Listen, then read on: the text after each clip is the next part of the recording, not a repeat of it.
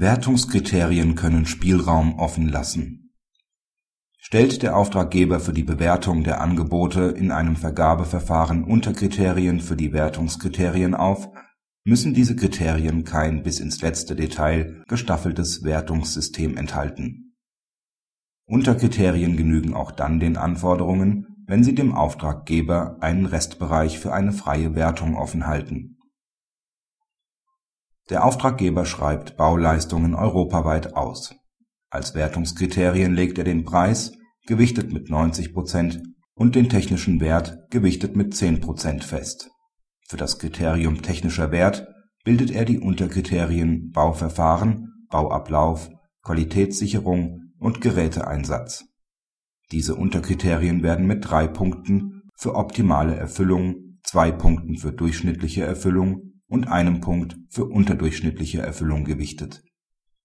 Nähere Angaben dazu erhielten die Verdingungsunterlagen nicht. Ein Bieter macht geltend, dass die vorgesehenen Unterkriterien intransparent seien. Das OLG Düsseldorf folgt dem nicht. Es liegt kein Vergaberechtsverstoß vor. Zwar hat der Auftraggeber in den Verdingungsunterlagen oder in der Vergabebekanntmachung alle Zuschlagskriterien anzugeben dies schließt auch die Unterkriterien mit ein. Allerdings muss der Auftraggeber dabei kein bis ins Letzte gestaffeltes Wertungssystem aufstellen, das auch Gefahr liefe, endlos und unpraktikabel zu werden.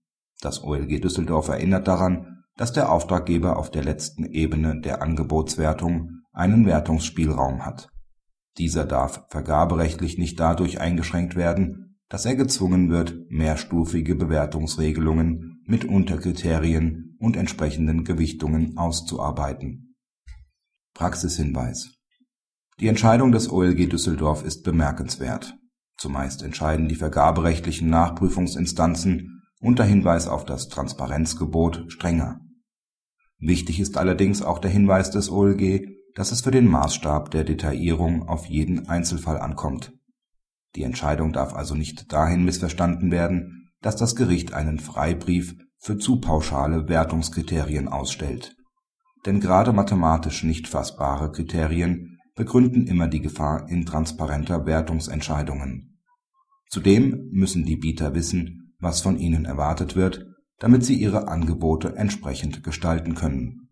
Dies impliziert im Regelfall eine Festlegung und Gewichtung von Unterkriterien